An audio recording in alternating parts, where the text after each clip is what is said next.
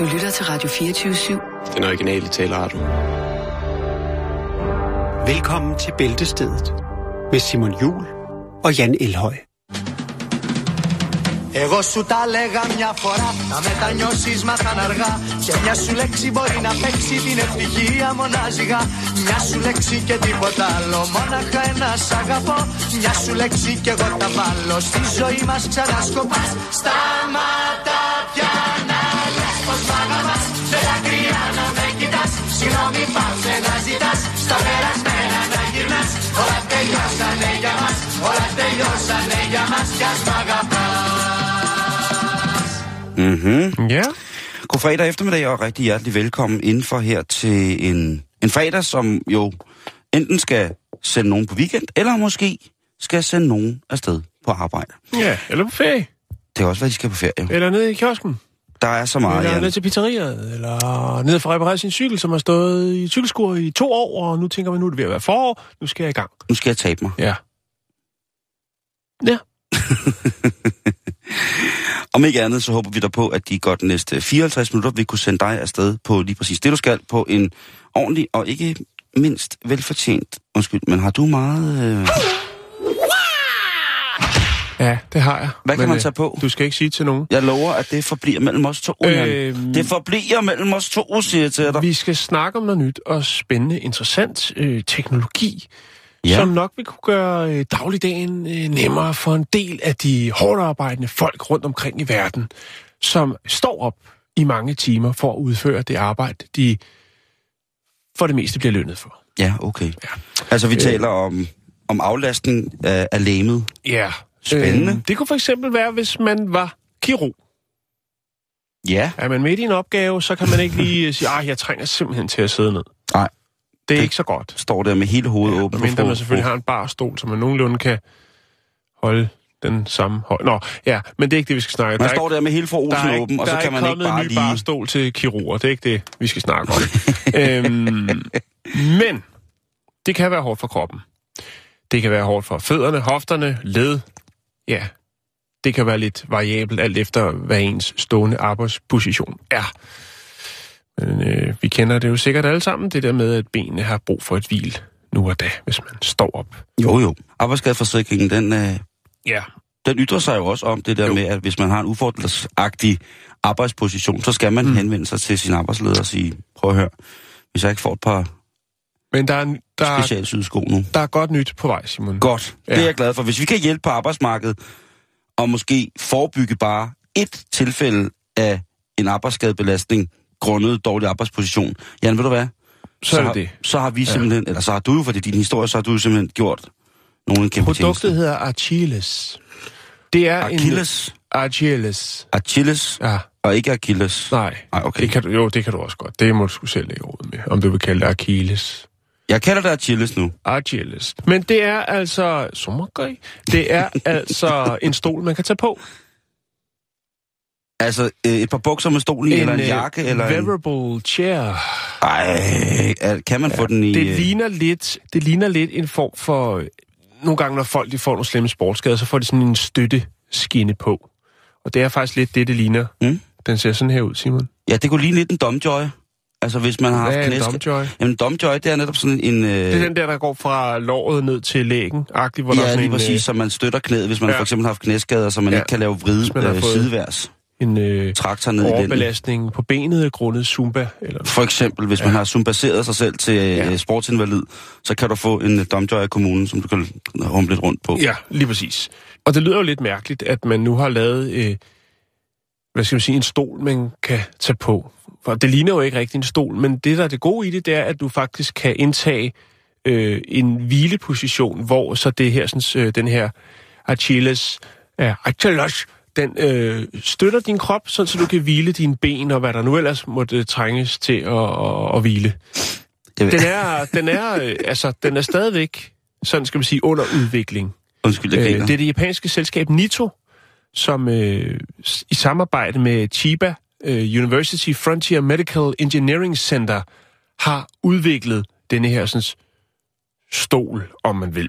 Det er jo ikke sådan, altså, grund til, at man siger wearable, det er jo ikke, altså, det er, fordi du faktisk også godt kan bevæge dig i den. Det er ikke sådan så, at du indtager en, en, en position, og så står du ligesom i den. Du, der er bøjelige led til knæene, så, så øh, du kan altså godt gebærde dig rundt. Det er selvfølgelig ikke en, du skal være rundt i hele dagen, men hvis du har et forholdsvis lille arbejdsområde, eller skal man sige, arbejds... Øh, Areal. Areal, ja. Tak, Simon. Selv tak. Øhm, hvor du måske skal gå lidt frem og tilbage. Du skal over og hente en skalpel eller et eller andet, eller lige over hvor... Du, er helt- du er hele tiden det der kirurg noget. Ja, ja, fordi det er faktisk øh, en af de, øh, de steder, hvor man har, har fokus på, at det, det er jo... Fordi der handler det om menneskeliv, Simon. Ja, ja, ja, ja. Men der er også en, der foreslår, at den vil være ideel til, når han tager øh, metroen på arbejde i Japan. Der kan den jo godt være temmelig fyldt, og man kan Ja, godt stå op over nogle temmelig lang, lange strækninger. Og så får du altså kunne have- tage den her på og indtage en øh, form for hvileposition under turen. Og det, Det er altså skide smart. Altså, jeg har jo taget metroen nogle gange i, øh, om morgenen i, øh, i nogle japanske byer, hvor folk står fastklemt og sover. Det ser så stenet Ja. ud, at de kommer ind, og så bliver man jo sådan mast nærmest ind i, hvis man kommer lidt for sent.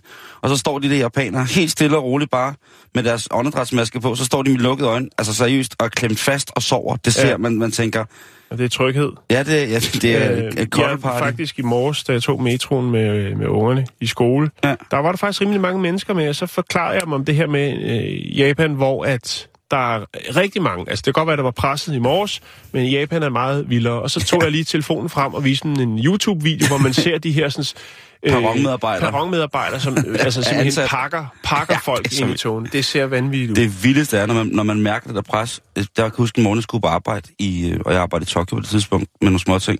Hvor jeg, det, jeg er en af de sidste, der kommer ned ad trappen, og så bliver jeg simpelthen, altså jeg bliver skubbet. Det er så ubehageligt. Mm. Men der er ikke nogen, der bliver sure på en. Altså dem, der står foran en og rundt Ja. om en. Der er ingen, der bliver sure på en, når man bliver skubbet som den sidste ind, fordi mm. man kommer med. Fordi alle ved, åh, man skal på arbejde, arbejde, åh, skal på arbejde.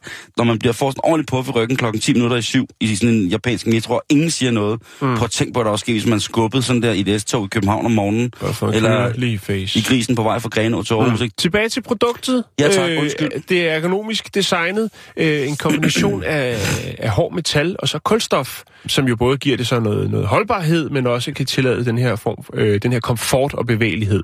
Øh, blandt andet for kirurger, Mhm. mm-hmm. øh, som jo vel er udgangspunktet. Jeg har fundet en lille film på YouTube, hvor man ligesom øh, viser lidt om, hvad det kan. Det er sparsomt. Det er jo stadigvæk øh, ikke noget, der helt øh, endnu er sat i produktion, men det er up and coming. Øh, og jeg synes, det, det er et godt tiltag. Der er altså mange, der står, for at vende tilbage til grunden, så er der jo en hel del, der bare står øh, og ikke lige kan, kan, kan smutte, smutte for regning, eller øh, ja, lige lave lidt gymnastik øh, grundet deres arbejde. Og der synes jeg altså, det er sikkert noget, der bliver lidt kosteligt, tænker jeg, men Jeg tænker, at der er jo rigtig mange andre job, hvor man også har en mere eller mindre uholdbar arbejdsposition, hvor man står op. Der er jo, mm. Øh, der er jo alt muligt. Men ved du hvad jeg egentlig også tænker, Jan? Og det kan godt være, det er at min forkvaklede hjerne, som har sat det her i et perspektiv, som ikke burde høre hjemme i det produkt der. Men jeg tænker, hvis man kan sidde ned ikke, og stå Ja. op på samme tid, så er det jo den perfekte skovskider. det er rigtigt nok. Altså, det er jo et mobilt toilet. Jo, jo, men man skal iføre sig En lang først, jakke. og så er det også forholdsvis dyrt. Øh, Lige før det, det er øh, billigere og lige så besværligt bare at, at købe en sækkevogn og et campinglokum, og så tage det med ud i skoven. Eller, jo, jo, eller jo, men jeg, jeg tænker bare, at det er jo, hvis man er til fest og har en lang kjole på, Ja, det er ikke noget. så kan man jo lige så stille, altså fordi at, Det er også ret dyrt. Det, jeg tror, det bliver et, et dyrt produkt. og det tror jeg også, men der, men der er jo ikke noget, der er jo mange mennesker, som godt vil betale øh, nærmest uhyrlige summer, og specielt i Japan, hvor toiletterne jo er en videnskab. Mm. Øh, ja, jamen, du har ret. Du der, har ret, der, er, Simon. der, altså, der er mange gode muligheder i, i den der, det synes jeg er, er, er fantastisk. Øh, Jeg, jeg anerkender din øh, oplysning om, at de folk, der har dårlige arbejdspositioner stående nu, langt om længe, måske kan få et andet. I gamle dage, der havde man jo bare det, der hed en, en taburet eller en skammel, ikke? Jo, lige præcis. Lige præcis.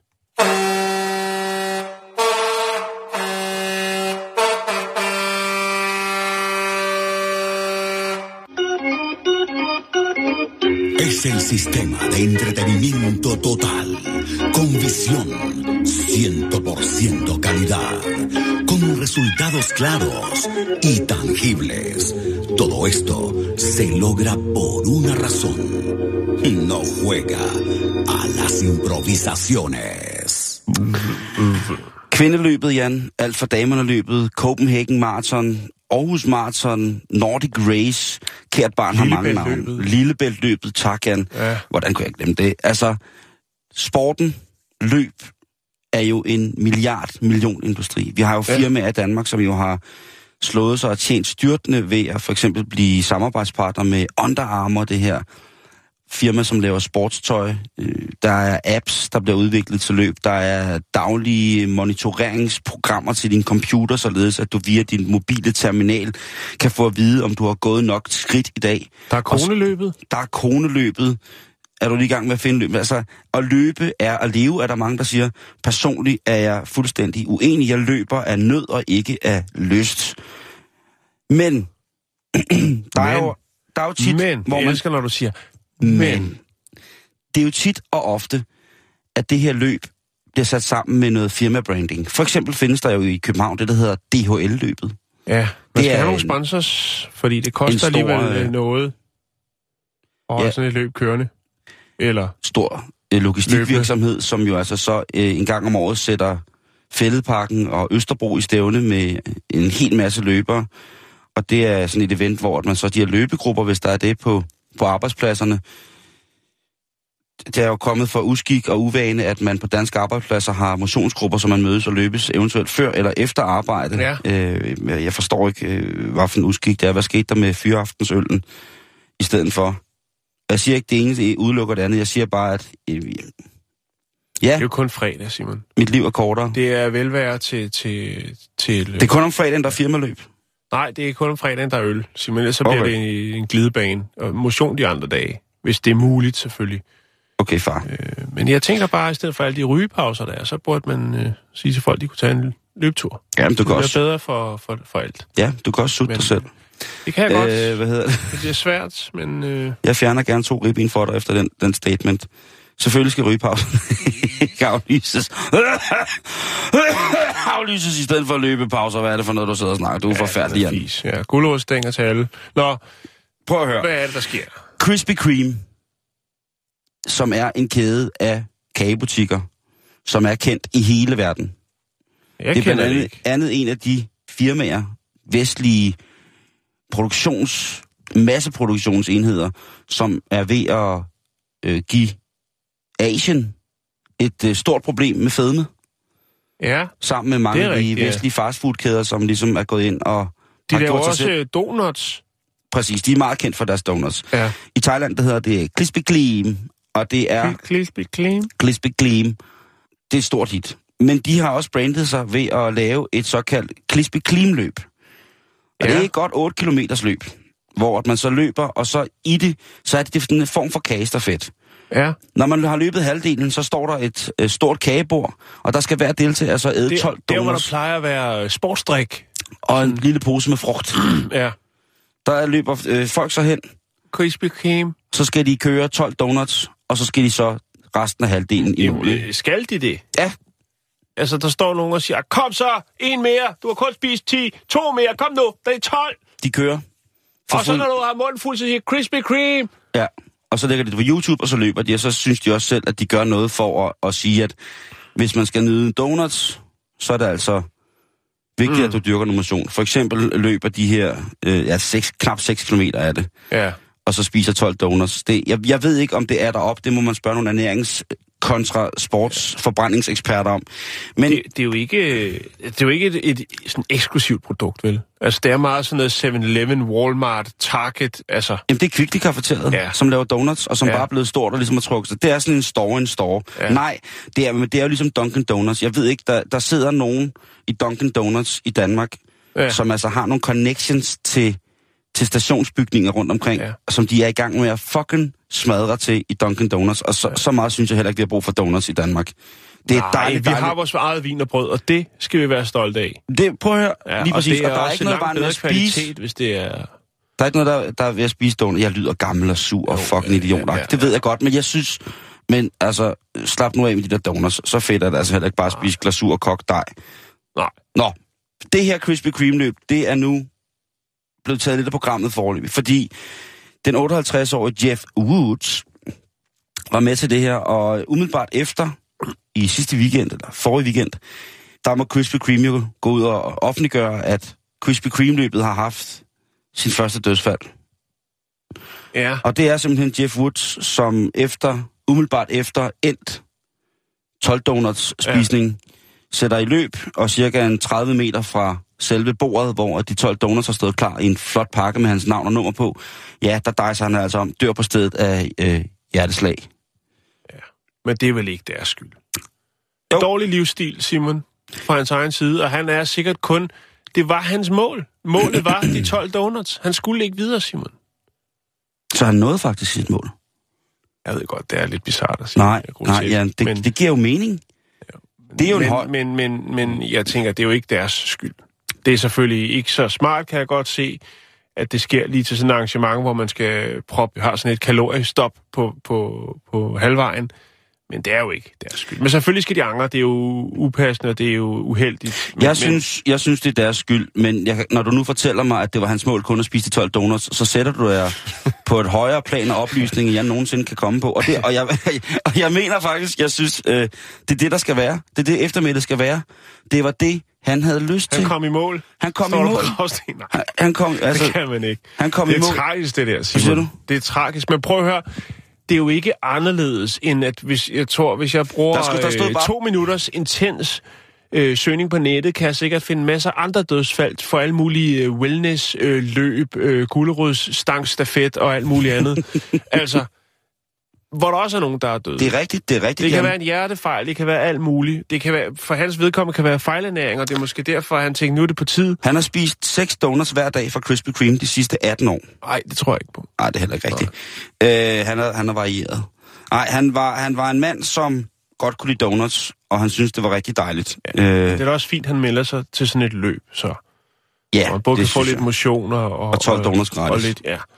Hvad Øh, man ikke gør for 12 donuts, hvad, hvad man ikke gør for noget kogt dej med tavlig glasur på, det er jo... Jo, jo, jo, men det smager godt lige indtil man har spist det. Ja, de, Øh. altså, jeg elsker donuts. Det skal slet ikke være det. Men det skal være de små. De Det der er små... lige the winer bread we have in Denmark. Yes, okay, okay, okay. Jeg kan fortælle dig, at øh, den 24. februar 2015, der åbnede Krispy Kreme deres øh, butik nummer 1000. Det gjorde de i Kansas City i Kansas. Mm. Øh, og ja, firmaet det er jo etableret øh, i 1937, så det er et gammelt firma. Jamen, det er en Jeg har klassiker. været med til at gøre øh, amerikanerne til det, som de er i dag.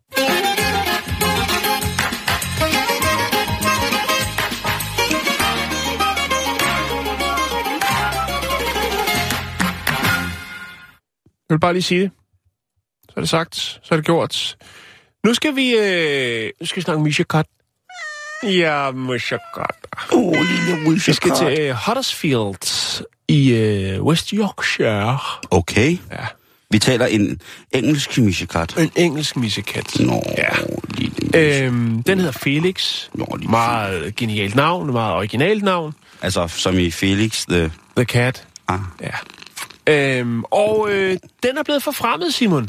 Nå, Felix the Cat er blevet forfremmet. yes. Ja, fordi at på Huddersfields station har Felix the Cat øh, boet i rigtig mange år.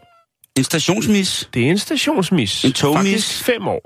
Åh, oh, det kan være, at den er vild med tog. Og øh, nej, det er ikke det. Men Nå. den, øh, den, har, den har et job. Den har en funktion. Fordi at øh, den sørger for at holde perronerne fri for mus og duer. Det har den altså gjort i en fem års tid nu. Den kom til stationen, da den var ni uger gammel. Siden da, så er dens øh, berømmelse, dens anerkendelse for dens arbejde, altså, eller for hendes arbejde, det er en hundmis, simpelthen, ja, den, det er en populær kat, Simon. Ja. Den, den har sin egen Facebook-side, og det er jo et, øh, det er jo øh, et øh. I nu til dags. Øh, nu til dags. Den har øh, pt. Øh, lidt over, eller næsten 18.000 likes, den her Misha-kat, og øh, den er kendt. Altså, øh, Altså, lille bitte øh, pendlere og, og dem, der arbejder på stationen, de ved godt, hvem Felix er og hvad Felix gør. De anerkender den for dens arbejde. øhm, Ja. den patruljerer på perronerne, sørger for, at der ikke er mus og duer. Og nu er den så blevet forfremmet. Den har fået en fin lille vest, og er nu officielt skadedyrsbekæmpelsesmanager Ja. på Huddersfield station. Ej, hvor er det sødt. Ja, det er faktisk rigtigt. Så det er alle medarbejderne på selve stationen, som passer på misjekat? Ja, Og så bor den der bare? Og, og Mishikat øh, passer også på. Ja, den har, øh, den har Sit eget kontor. kontor. Man kan se masser af billeder af den inde øh, på Facebook. Jeg skal nok lægge et link op. Øhm, der er den ting, at i 2013, der lavede man lidt øh, nogle sikkerhedsbarriere. Altså nogle, nogle, nogle ting, nogle foranstaltninger på stationen, øh, som gjorde, at det var sværere for Felix ligesom at komme rundt. Men øh, det fandt man en løsning på. Man installerede simpelthen i de her forskellige sikkerhedsbarriere, installerede man kattelem, så Felix kunne komme, øh, stadig kunne komme rundt på perronerne og passe sit job. Jeg synes, det er et glimrende tiltag at ansætte sådan en økologisk øh, skadedyrsbekæmper som, øh, som lille Felix. Jo, Jo. det synes jeg. Der er ikke et øje Det kan jeg godt lide. Jeg, det- jeg, det, jeg man synes, tænker skal hilse på Felix. Jeg Må jeg lige lige se? finde, øh, Jeg skal lige se et billede af lille Michigat. Der har vi Felix. Ej, Der har vi Felix. er den. I sin gule arbejdsvest. Ej, den er da også fuldstændig bedårende. Ja, den en- er sød. Den er sort, Så har han lidt hvidt på brystet lidt der. på brystet og store øjne og fine... Den, ej, hvor er... det må også, helt ærligt seriøst, ikke?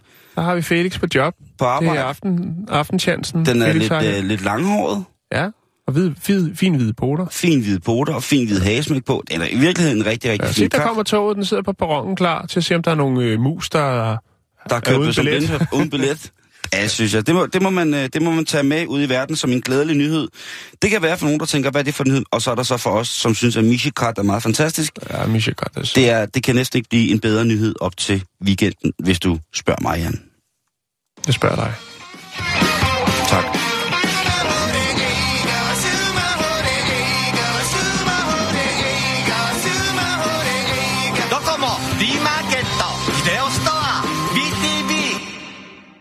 Nu skal vi til en historie, som måske er i forhold til vores øh, din Michikat-historie, sætter et lidt andet, eller giver verden et lidt andet perspektiv. Ja, Og vi skal en tur øh, til en... Det bliver en lidt international histories, øh, den her, Jan. Okay. Fordi at den øh, indeholder... Øh, den indeholder nogle, et ægtepar fra Burundi, som bor i Australien. Og så indeholder det nogle transportskandaler frem og tilbage. imellem landene. Det er ægteparet Belanga Kalala og Noella Ragundo, som Ja. har haft store problemer i ægteskabet. Og det starter med, at hende her, Noella Rogundo, hun skal til en begravelse. Hendes tante er død. Og hun rejser fra Australien til Burundi for at deltage i begravelsen. Mhm. Det er om ikke noget, nogen særlig rar omstændighed at skulle forlade sit, eller rejse tilbage til sit fødeland på. Men hvor med alting er, det er det, hun gør. det er det, hun gør. I mellemtiden, eller før afrejsen, så har hendes mand, øh, Balenga Kalala, været, Balenga Kalala, har været, har bygget et, et lager af jaloux tendenser op i sig selv over for sin kone. Han har jalousiskab. Han har et kæmpestort jalousiskab, og han har bygget det ud, han har bygget det ind, og det hænger op på væggen, og det bliver større og større. Det er faktisk gået hen og blevet så stort, at han jo tænker, hende her, hun skal skaffe sig vejen, som de siger i Olsenbanden. Han vil skaffe konen af vejen. Ja. De er gift. De er gift, ja. Og det er altså ikke skaffe vejen, som i køres væk. Det er skaffe sig vejen, som bye bye, nu ringer jeg til Burundi, og dernede, der kan man købe legemor, der åbenbart til en fornuftig pris Ja. i forhold til Australien. En dåse cola og en... og en saltvandskrabbe, så kan du få fjernet hele din familie, uden det aner det. Han har i hvert fald af en eller anden årsag fået fat i de her, øh, eller han er blevet jaloux, ikke af en eller anden årsag, det er hans jalousi, der har gjort, at han har fået fat i dem her. Mm. Den business, den skal så foregå, når hun er til begravelse i Burundi. Ja. Nå. Det er jo til at forfærdeligt, øh, ganske, ganske forfærdeligt. Og det her, det starter altså i februar sidste år. Det, der så sker, det er, at hun kommer til Burundi, og der snakker hun så øh, i telefon med sin mand, og snakker om, hvordan det går, og hun er til den her begravelse, og der er jo masser, de kender. Men ikke noget sådan så, at han behøver at tage med, så hun fatter ikke mistanke til, hvorfor han ikke Nej. kan tage med derned. Han havde ikke et, øh, Han ringer- et rigtigt sæt Nej. tøj til at tage på. Så. Det kan gå. Det, det er nok noget den stil. De sidder og snakker sammen, og så meget mærkeligt, så spørger han så sin kone, hvordan øh, er vejret i god gamle Burundi? Og så siger hun, ja, det er jo, altså, det er jo dødvarmt, vi sidder hernede og sveder og træn, som vi plejer, men det, i situationens alvor er det måske meget rart, der er, er som han plejer. Og så siger manden, ja, hvorfor smutter du så ikke bare udenfor og sætter dig lidt i, i, på altanen derude ved din stedmors hus og får lidt brise? Så tænker hun, jo, det er måske meget godt. Hun ved dog ikke, at det er mandens måde at få lukket hende ud på gaden på, således at kidnappere og legemordere kan få fat i hende. Hun ryger så udenfor og tænker, det er sgu meget fedt. Så kan jeg lige sidde her og få et stykke tobak, og så, øh, og så bum, bum, lum. Så ligger hun bagbundet i en kassevogn på vej væk fra huset. Og de her mænd, de har jo ligesom et for øje. De skal have fjernet hende her. De har modtaget den der mobiltelefon og en saltvandskrabbe, og nu vil de slå ihjel for, mm. for alt i verden. Mm-hmm. I mellemtiden sker der så det, at da hun ligesom får det her, hvad kan man sige, sit bind for øjnene af, og får lov til at tale og spørge, hvad fanden der foregår, så fortæller ham her, manden, lederen af den her gruppe af legemorder, som der er blevet bestilt, hvad det er, de skal. Ja. Og der bliver hun så... Så siger hun, prøv at høre, I får to salvandskrabber og en t-shirt, hvor der står I'm with stupid, hvis I øh, lader mig gå. Det er det, man tror, der sker. Ja, okay. I virkeligheden, så sker der noget, der er... Og så ringer de op til ham og spørger, har du tre salvandskrabber? Og så sådan kører det, og nu har de en kæmpe, kæmpe krabbefabrik, og begge... ude midt i ørkenen. Nej, de, har, de lever af krab og malkekrabber, laver krabbeost. Øh, stop nu. Det, der sker, det er, at faktisk så, da de kommer ud øh, til... Øh, ud til der, hvor at hun skal slagtes, så siger ham her... Så de er godt på vej til at fuldføre. Ja, ja, fuldstændig. Ja. Og så, men så på et tidspunkt, så... Det tror hun i hvert fald. ja. Jeg går ud fra, at hun lever jo, fordi ellers så ville hun- du jo ikke kunne Nej, fortælle nej. historien. Og så stopper, stopper Hylde her. Nu tak, Jan, fordi du lige spoilede den. nej, nej, det skal du ikke vel tænke over. logik. Jeg har kun brugt øh, 40 minutter på den her historie. Det er ingenting. Det skal du ikke. Det skal du Ja, ikke men på. hvordan hun kommer derfra, det er jo der, essensen af historien er, Simon. Det er der, hvor du skal lave Nej, det var faktisk suspense. det var bare der, historien stoppede faktisk. Så det var Nej, Altså med hun krabbefarmen. kommer, ja, hun kommer ud til der, øh, hvor det er, og der øh, siger hun så, prøv at høre, siger han så til, til eller, bortføren siger til hende, nu skal du høre her, vi har faktisk en regel i det her firma, at øh, vi, øh, vi kværner ikke kvinder og børn. Så du Nå, er faktisk, okay. øh, du er faktisk bare fri. Men hvorfor har de så sagt ja til opgaven? Det var for at få krabben. Det var lige præcis for at få krabben og et par nye badebukser og en t-shirt, hvor der står I'm with stupid. Det var i åbent til synlædende en, øh, en dum sekretær, der var på arbejde i, i legemorsbyrået ja. den dag. Det kan også være, at hendes navn både er et drenge- og et pigenavn. Så derfor Det er kan der opstået noget. Ja. Men jeg ved det ikke. Han siger i hvert fald, øh, tror du ikke bare, at du skulle se at forlade ham manden der? Jo. Og så bliver hende der kvinden jo netop. Så er de også en form for ægteskabsvejleder. Sjovt nok, så har jeg to spande med krabber stående hjemme i min lejlighed. Og jeg tænker om ikke... Nej, det, hun, Jeg har givet hun- dig godt råd. Det koster hun, to øh, krabber. Hun, øh, hvad hedder det, siger, at hvis hun kan få sat sin mand fast ved hjælp af dem her, så skal de nok få nogle salvandskrabber. Eller nogle penge, ikke? Jamen, de tager krabberne. Så de, øh, ham her, han ringer op. Bortføren ringer op til manden. Så har de en båndoptager stående. Ja. Og der øh, fortæller han så, Mission completed. at nu har de taget hende til fange, og hvad de skal gøre ved hende. Og der siger manden så, sådan og sådan og sådan, og så dræb hende. Give it to the crabs. Så lægger, så lægger de på, og øh, så ringer han op lidt senere, og så siger han, job well done, og lægger på, nu skal vi have vores salvandskrabber. Og så kører de så hen her damen i lufthavnen, og sætter hende på et fly med den her, hvad hedder det, øh, Allerede, hun, hun er færdig med den anden begravelse, det. Ja, ja, hun, Ja, okay. øh, hun, øh, hun nu, det, det, den der fjerne tante der, det er så hvad det er. Nu skal hun altså hjem og snakke. De skal lige have en, en snak, ikke? Hende og manden. Jo. Derudover så får hun fra bortførende også øh, transkriptioner af telefonregninger, hvor man kan se, at hendes mand har været i kontakt med dem her flere gange. Mm-hmm. Og så har hun altså en båndoptager. Og fyldt med optagelser af ham her, der siger, at hun bare skal slås ihjel.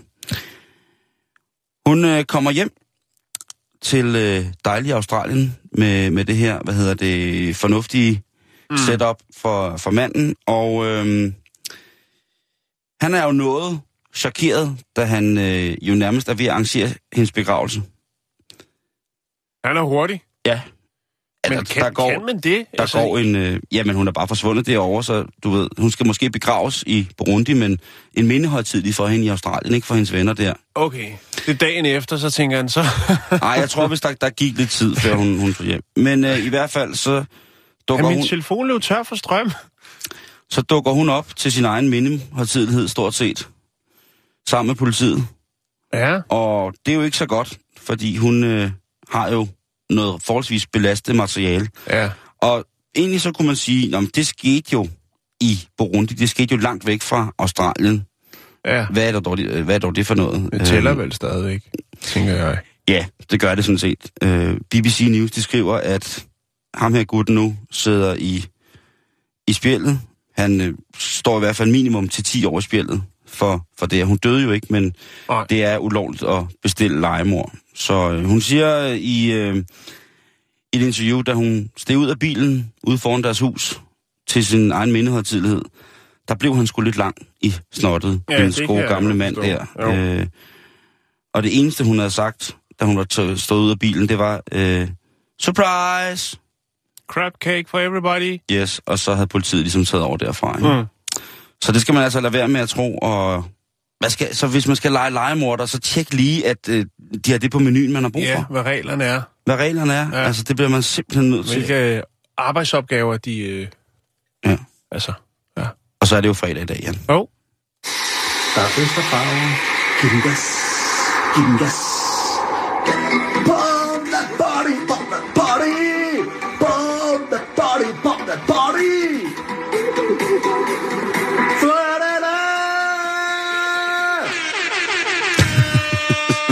Hvis man skulle være i tvivl. Ja, lige præcis. Hvis man skulle være i tvivl, ikke? Nu er jeg ikke i tvivl. Der er ikke nogen tvivl nu. Ja.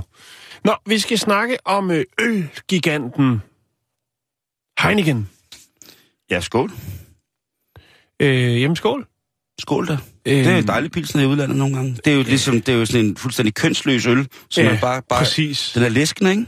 Jo, det det, skal sådan- bare ned, ikke? Jo, jo, men det er dejligt. Altså, det, der, er ikke noget, der er ikke noget, der stikker ud som værende super lækkert. Der er ikke noget, der stikker ud som værende teknisk smart. Eller det er bare en, Nej. det er bare en pizza. Det er bare en gedin bajer. Den kan man sgu altid lige have en pizza, ikke? Og dem kan man hælde mange ned af, ikke? Fuldstændig uskadelig. Ja. ja. Og det er det, det handler om. Fordi at øh, den administrerende direktør for Heineken i Irland, Maggie Timoney, hun kommer med noget, øh, en ret, ret øh, ren, hun er ret ren i mailet, vil jeg sige. Fordi Okay. hun siger, jeg er sgu egentlig pisse ligeglad med, om jeg bliver fyret, eller om jeg bliver upopulær. Der er nye boller på suppen. Det skal være uncool. Det skal ikke være smart at drikke sig for sans og samling. Okay. Ja. Det kan hun jo for så vidt godt have ret i, ikke? Lige præcis. Og øh, det fortalte hun altså rejse op og sagde til en, øh, en konference for øh, detailhandler, øh, for detailhandlen ønsker ligesom, at de her forskellige detaillede, som vi jo sælger Heineken-produkter, skal være med til at skyde den her sådan, nye kampagne, som Heineken øh, smider ud i verden, øh, at øh, det skal være uncool at være beruset. Den her konference var i Mansion House i Dublin. Det er jo en ret... Altså, det er så sjovt, når sådan nogle firmaer går i gang med sådan nogle kampagner. jo, Altså, de, de fremstiller noget, som er det, som...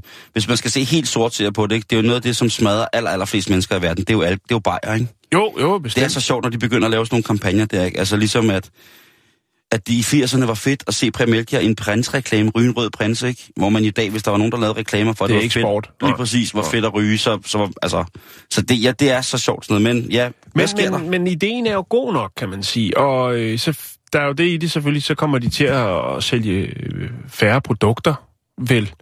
Altså fordi man tænker, for dem, sådan et stort selskab... Hvad var det, hendes position var i firmaet? Undskyld, Ja, hun er administrerende direktør øh, i øh, Heineken Irland. Bye bye. Øh, nej, fordi det, det tror jeg faktisk ikke, Simon, fordi det er altså noget, som Heineken øh, går ud for. Jeg har fundet, øh, de har lavet en reklamekampagne, som ligger på YouTube, hvor man kan se det her, så det er ikke kun hende. Hun ved, hun har, Heineken har hendes ryg. Så det er ikke noget, hun ligesom, øh, altså, det er ikke bare noget, hun selv melder ud. Der er, øh, det er tjekket op med baglandet. Hun er afsender på den her, Simon, med fuld opbakning for resten af koncernen. Men altså, det er jo en, øh, hvad skal man sige, det handler om øh, det her med folkesundheden, og øh, ønsket om at øh, ændre folks adfærd, altså omkring det her med alkohol. Hun sagde, at øh, der burde være fokus på øh, moderat drikkeri blandt folk, almindelighed, altså i al almindelighed. Øh, og så det her med, at de unge jo også bliver yngre, når de øh, stifter bekendtskab med, med alkoholen. Så jeg, altså, jeg, jeg ved sgu ikke helt. Altså, det er jo... Tanken er jo god, Simon, men den er jo vel også lidt, som jeg sagde tidligere, Moral er godt. dobbelttydig, fordi at de selvfølgelig også godt vil skubbe nogle produkter afsted. Men så igen kan man jo så sige, hvor, hvor, hvor store skal de være. Der er selvfølgelig også, øh, kan man sige, en stor konkurrence på øl, især i dag, hvor vi har en masse fantastiske øh, ildsjæle, som producerer øh, fantastisk øl. Øh, så er Heineken jo nok i den, i, i den grad også øh, presset. Men jeg tænker, tanken er jo god nok. Tanken er jo god nok, at man ligesom bringer det på banen og siger, at der er øh, noget med folkesundheden, og der er altså noget med, at der er temmelig mange, øh, der har et alkoholmisbrug øh, rundt omkring i verden. Så, så jeg ved ikke. Jeg synes, det, jeg synes sgu, det, tanken den er meget god, men øh, om de, om, om, altså, de burde jo stilles stille sig regnskab om 10 år og sige, om de stadig er vedholdende i den her, øh, den her udmelding. Og den her kampagne, som det også bliver. Jeg kan fortælle dig, at hvis man går ind på Heinekens hjemmeside, så skal man, øh, har lige været der. så skal man lige øh, taste, hvornår man er født.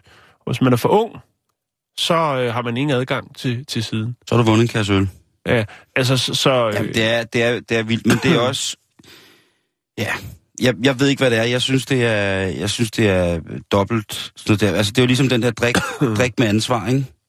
Jo. Øl er til tørst og ikke til trøst. Altså, den der vej rundt, det er jo bare...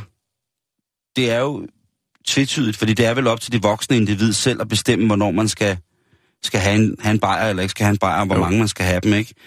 Men ikke nogen tvivl skal der, der skabes om, at af, af lovlige rusmidler, så vil øllen jo nok være en af de produkter, som er aller, aller, aller, aller mest skadelige, både for, for det sociale og det psykologiske I, I, samfund. I, i ikke? hvilken forstand? Altså sociale? Jo, men Fordi det der- folk... Jamen altså, Altså- det, det, det, altså, det ødelægger jo folk, ikke? Altså Jo, folk, jo, der bliver men alkoholikere. sociale, der er jo også mange, der ikke kan, så skal sige, kan more sig uden at drikke. Jamen, det er lige præcis det. Altså, og... og Men nu og, taler jeg om direkte alkoholikere, altså Ja, folk, ja, som er ja. afhængige af det. Der er øl jo, altså spiritus må være den absolut største kilde til, til, til hormor og ildebrand. Jo, øh, men det er jo nok også, fordi forfald. det ikke er den, der... øh, Hvad skal man sige? Det er jo en del af den vestlige kultur, det her med hygge og øl og øh, alt, hvad nu hører til af sociale arrangementer, hvor øl har øh, fylder rigtig meget. Mhm. Øh, Og tænk på, hvor meget godt den har gjort i, i for eksempel... Øh, i for eksempel Grønland, ikke? da vi indførte og begyndte at give i grønlænderne sprit, ikke? jo, Hvad det har gjort for samfundet deroppe, det har der altså... nærmest kun været... Tænk på en kampagne, Carlsberg kunne lave for hvordan, Jo. de danske spritfabrikker, hvordan det er gået, hvordan, hvad deres indvirkning, hvad deres produkter har haft indvirkning på, på, på Grønland for lokalbefolkningen. Ikke? Eller hvad med indianerne i din originalbefolkning i USA, da de begyndte at... Da Det var ildvandet, ikke? begyndte at dele ildvand ud, ikke? Det har gjort... Der var det bedre i, i København for en, øh, en øh, 300 år siden, hvor at øh, hvis man blev indlagt øh, på hospitalet i København, så var det for, li- for resten af livet. Mm. Og øh, så fik man øh, hver dag 6 liter øl, man kunne drikke. Øh, og det var jo så fordi, at det var, hvad skal man sige, grundet den, det dårlige øh, vand, man Snap, havde. snapsebutikkerne Øh. på, tids, på et tidspunkt i, øh, i slutningen af, af Dårligt drikkevand. 1700-tallet, Mm. der bliver snapseprisen øh, sat op på de... Øh, Kartoffeljuicen. bliver sat op på de øh, danske gæstgiverier i København. Jeg tror, at en halv liter snaps kommer op og koster omkring, øh, jeg ved ikke, en to øre eller et eller andet. Og det bliver altså var mange penge dengang. Det bliver grundlag for, at hele øh, skibsindustrien for eksempel stod stille i lang tid, fordi at folk nægtede at tage på arbejde, fordi at de kunne ikke være fulde, når de tog på arbejde. Mm. Så, så, så spritten har jo en fuldstændig vanvittig vigtig Ja. rolle i vores vestlige kultur, hvor ja. Vi jo førhen har været virkelig, virkelig fulde. Vi var selvfølgelig ikke bekendt med, hvad der var følgevirkninger og skadesvirkninger, når man mm. indtog alkohol. Men det har jo ikke været nogen hemmelighed i lang tid, at de, det var de skøre, der drak, ellers så blev man det. Deliriumet har jo været en, en, mm. en, en form for konstant inden for, hvad, hvad for eksempel kirken kunne sige om at, at være besat af djævle. Der har det jo tit været sådan nogle ting at sige med, at folk mm. har været påvirket, ikke? Men nu kom du med den historie omkring øh, Snaps. det, ja, og øh, sømænd. Mm. Jeg kan huske, jeg var, øh, er det, det er et års tid siden, jeg var i Bedford. Og der øh, nede på havnen der, der var der nogle historier om, fordi der, var, der ligger et hospital ud til, til, til havet. Der var, øh, historien var så, at øh, fordi at man simpelthen ikke kunne få nok sømænd, så øh, gik man øh, ned på de lokale værtshuse, og så tog man simpelthen øh, dem, som var mest fulde, hævde dem op øh, bag på en, øh, på en ladet af sådan en hestevogn, og så kørte man dem ned til skibet og smed dem ombord. Og når de så vågnede næste morgen, øh, havde godt med tømmermænd, så sagde man, velkommen ombord, vi er på vej til, hvor det nu skulle være. Tahiti. Tahiti, Afrika, Marokko for at købe krydderier, eller hvad det nu var, og øh, du har fået et job her. Øhm, og så var der altså simpelthen nogen, der vågnede før tid, eller ikke var fulde nok, som så sim- simpelthen for at slippe prøvede at, at gøre skade på sig selv. Og de blev så kørt op til hospitalet og, og læsset af ind i sådan en hal. Og så blev de så båret op og fik øh, deres den pleje, de nu skulle have. Så, Det er ret vildt. Det er en ret vild måde at, at være på. at, at, at være på. Så når I skal i byen i aften her en fredag aften, så tænk på, hvad det, hvad det kan med. ja. Øh, skål. Og ja, jeg skal ikke sige noget fornuftigt på alkoholens vegne. Det har skabt både de smukkeste og de mest øh, ulidelige situationer for mig, og det, sådan må det nu engang være, mm, og det har jeg valgt at acceptere.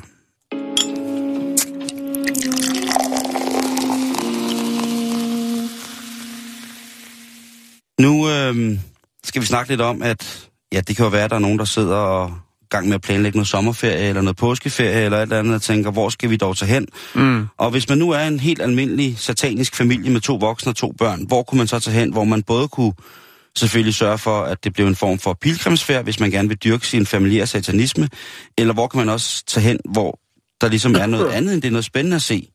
Er der nogle byer, hvor at, jamen det vil, være, det vil da være dejligt. Ligesom at der er mange folk, som tager på, du ved, en pilgrimsfærd, hvis de er kristne, eller hvis de er troende inden for islam eller jødedom, ikke? så Ja. er der mange, der tager til nogle byer, som er vigtige for dem.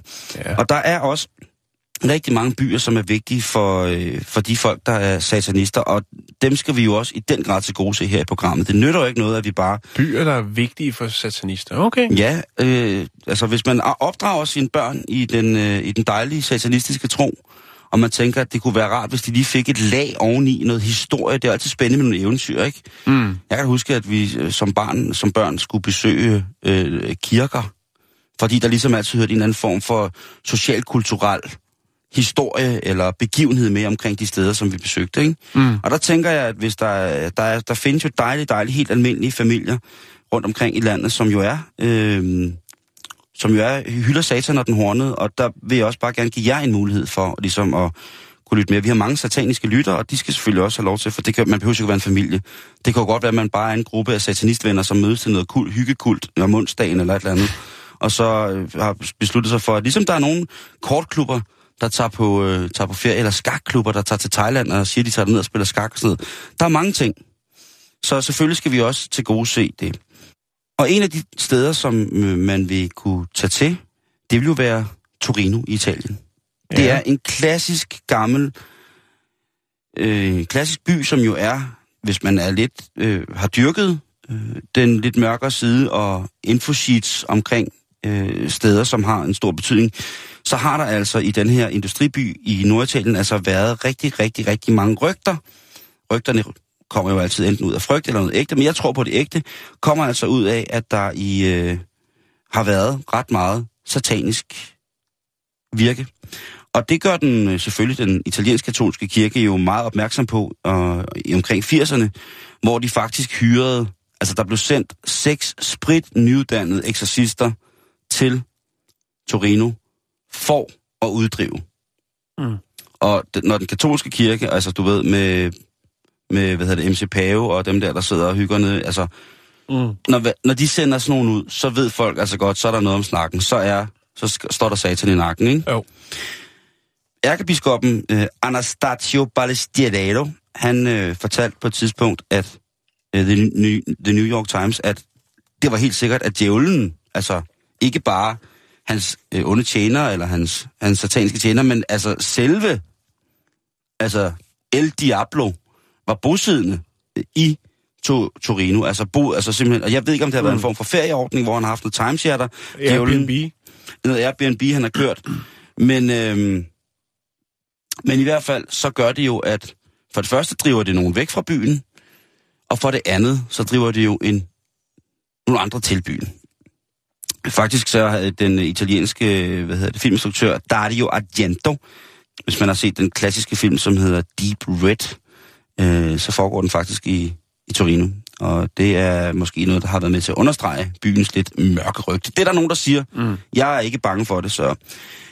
Det er sådan, at, øh, at mange af de her rygter, som nogen vil kalde dem, og andre vil kalde dem for fakta, omkring hvorfor at Torino har nået den her status. Det er fordi, at man mener, at Torino er en del af en sort magisk øh, træ, hvad hedder det, trekant, som består af byerne London, San Francisco og Torino.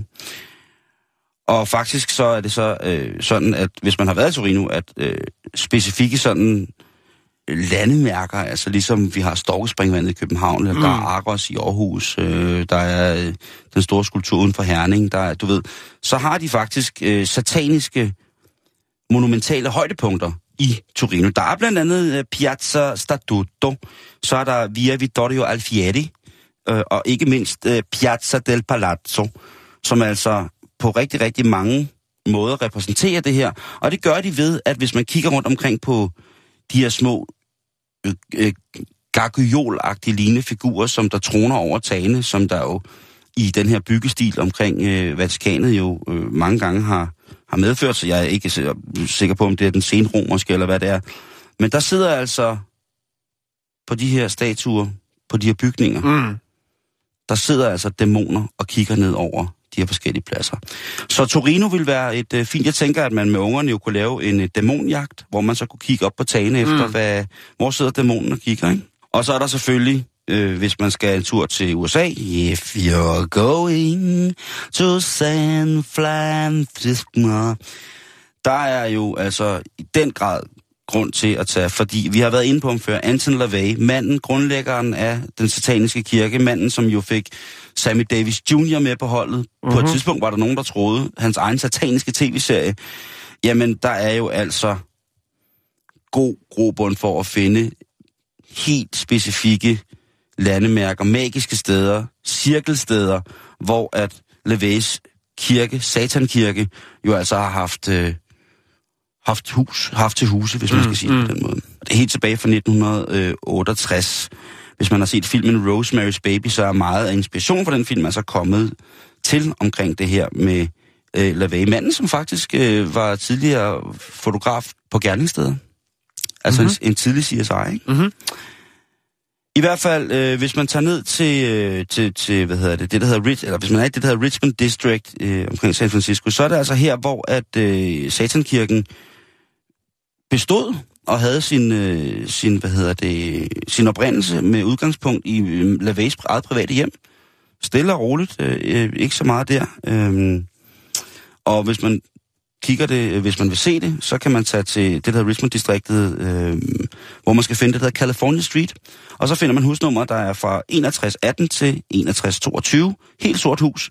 Det er oprindelsestedet for den amerikanske sataniske kirke. Så der kan man jo lige banke på mm. og spørge, om man må få en... Det burde jo have været 666, ikke? Ja, selvfølgelig, men det... Man kan ikke få alt. Nej, det, man, og det, så, sådan må det også være. Øh, så kan man jo lige banke på og spørge, om det giver en kop sort kaffe. Så San Francisco helt sikkert. Øh, hvis man skal på en, øh, det, altså en diabolsk familieferie, så er San Francisco et must. Der er jo også øh, fantastiske muligheder for at besøge alle mulige andre kulturelle smukke steder på, mm. på, på vestkysten. Man kan tage tur ned til LA, og der er jo alt muligt mærkeligt. Men også mange smukke ting i, i hvad hedder det, i, i San Francisco.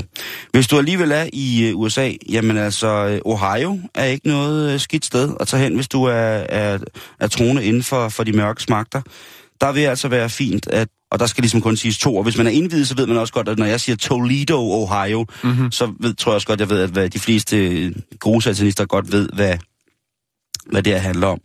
Og det er jo ikke fordi, at det er en stor by, men det er jo altså sådan en, en arbejderklasseby, som ligger i, øhm, i den nordvestlige del af, af Ohio, Toledo der. Og øhm, det var altså hjemby, fødeby for, ja, en, en, nogen vil sige, sikkert sige en heksemutter, men Our Lady of the Ender Coven. Og det er så blev, øh, noget, der blev grundlagt helt tilbage i 1948, hvor at den øh, indfødte til Ohio, Herbert Sloan, han lavede en lille kult, om man siger sådan, og øh, den eksisterede faktisk frem til 80'erne. Sloan, han var en, en dreven gut, en dygtig satanist. Han øh, ikke optrådte, men han udførte, han eksekverede mange sortmagisritualer, ritualer. Og det gjorde han i sin, øh, i sin hvad hedder det, øh, barbershop, altså sin barberbutik. Og han var en mand, der virkelig af hele sit hjerte troede på satan. Og man Mm. skal jo starte et sted. Jo, jo, bestemt. Satan for begyndere. Lige præcis. Og han var altså også nede med at læse. Så altså afsted til, øh, til Toledo, hvis det er. Du skal bare sige navnet Herbert Sloan, så skal du nok få, få syn for sagen, Jan. Det var bare lige lidt info, jeg havde til... Øh, Jamen, tak for, tak for input. lige præcis. Pas lige på. Hold da op. Ej, den er flot. Træde tilbage, træde tilbage. Ej, ja. Har du en lille bitte bitte en, fordi vi er faktisk ved at være nået til Ja, det har jeg. ende, så, Det har jeg. så lad os slutte af Lad med... mig gøre det hurtigt. Hello, I am Yrjö Uusivirta and I'm here to tell you about solar energy. For example, we can use the heat from a person in a room through this radiator or, or lamp battery. We can use the, he- the body heat from a woman and a man when they're having sex. Cut! So it, but it can be more than just two persons. It can be three persons. It can be four persons. Cut. In the middle and then two and sandwich. Sandwich, it's the name. Cut! Vi skal til Dorset, England. Her er der en britisk, i, i, britisk øh, iværksætter, der hedder Leo de Watts, som er 27 år. Leo, det er what? Ja, The Watts. Okay. Og øh, han har knækket koden, Simon. Han har lavet en god forretning ud af noget, som vi har snakket om tidligere. Ja. Han tager nemlig ud i det smukke britiske og... Øh, ja, han, han tager ud i det, i det smukke britiske Landskab. landskab og øh, fanger frisk luft. Putter det ned i nogle 500 mil- milliliters øh, krukker, og øh, så sælger han dem til de øh, forureningsplagede øh, folk i Beijing, Shanghai øh, og så videre dernede, altså Hongkong og så videre. Er det en opfølger på dem, du har haft fra, øh, fra Hongkong, hvor der jo også blev solgt frisk luft på flaske? Ja, men øh, Leo, han har altså kun været i gang i nogle måneder, og øh, han har, øh, eller nogle uger er det faktisk, øh, tre uger for at være præcis, og han har allerede omsat for 30.000 kroner. Hvis man kunne have tænkt sig at erhverve sig noget frisk øh, valesisk luft, eller noget engelsk luft, øh, britisk luft, om man vil, så skal man altså op med øh, 1000 kroner for 500 milliliter frisk luft. Jeg har fundet en film, hvor man kan se ham køre ud i landskabet med et par ligesindede iværksættere fra hans lille firma og, øh, og, og hive luft. Og der er jo altså sådan, så folk de kan selv vælge, eller hvis de har et specielt ønske, så kan de jo vælge... Et om de- område? Ja, hvis der er et område, øh, eller det kan sige en form for landskab, de vil have, om det skal være en bjergtop, eller nede i en dal, eller i nærheden af et vandløb, eller noget, så, så kan man gerne, så gør han gerne det på bestilling. Så koster bliver det, selvfølgelig kæmpestort. lidt ekstra. Han har selvfølgelig også, øh, grundet det kinesiske nyår, nytår, så tænkte han jo, der skal jo selvfølgelig også være noget specielt der. Og øh, derfor så øh, fik han sat nogle, øh, nogle, øh, nogle specielle krukker, nogle nytårskrukker, 15 styks, afsted til Hongkong, som blev solgt på, øh, de, på gaden, altså i sådan gadeboder. Øh, og det var altså nogen, der var lidt dyre, fordi det var selvfølgelig øh, frisk luft til nytårs øh, arrangement, hedder det kinesiske nytår, og de lå altså på 80.000 kroner. Ja, historien melder ikke noget omkring, at han fik solgt nogle af dem, men altså på de her uger, han har været i gang, har han fået solgt 180 krukker. Øhm, Sin værdi af... ja, og det vil sige, at han har omsat for om lige godt og vel øh, 30.000 kroner på de øh, tre uger. Det er altså ret vildt, Det er ret vildt. at frisk luft er blevet en delikatesse. At nogen Jeg, jeg kan ikke helt, altså... det. Det, det, det er meget... Det kan heller ikke. det er sjovt, og det er godt tænkt, og han er, altså, han er ihærdig, og han er seriøs omkring det, Simon. Men det skal og det, er, det er altså noget, der sælger. Jeg har, kan lægge en film op, hvor man kan se ham øh, drage ud i den smukke, engelske øh, og valisiske natur, for at øh, tilvejebringe en- noget frisk luft til de øh, så Hungrende. Hungrende, forurenings... Øh, Ramte. ramte asiater. Jan, du må have en god weekend. Tak lige måde. Vi er tilbage igen med highlights. Husk, du skal tage os på podcasten, hvis du ikke lige har mødt ham endnu. Det øh, kan du også gøre via Radio 24-7-appen. Det er et dejligt stykke digitalt værktøj, du kan tage med overalt. Ingen kan se det. Øh, forhåbentlig kan du lide det. Facebook.com bæltested, så fik jeg sagt det hele. Rigtig god weekend.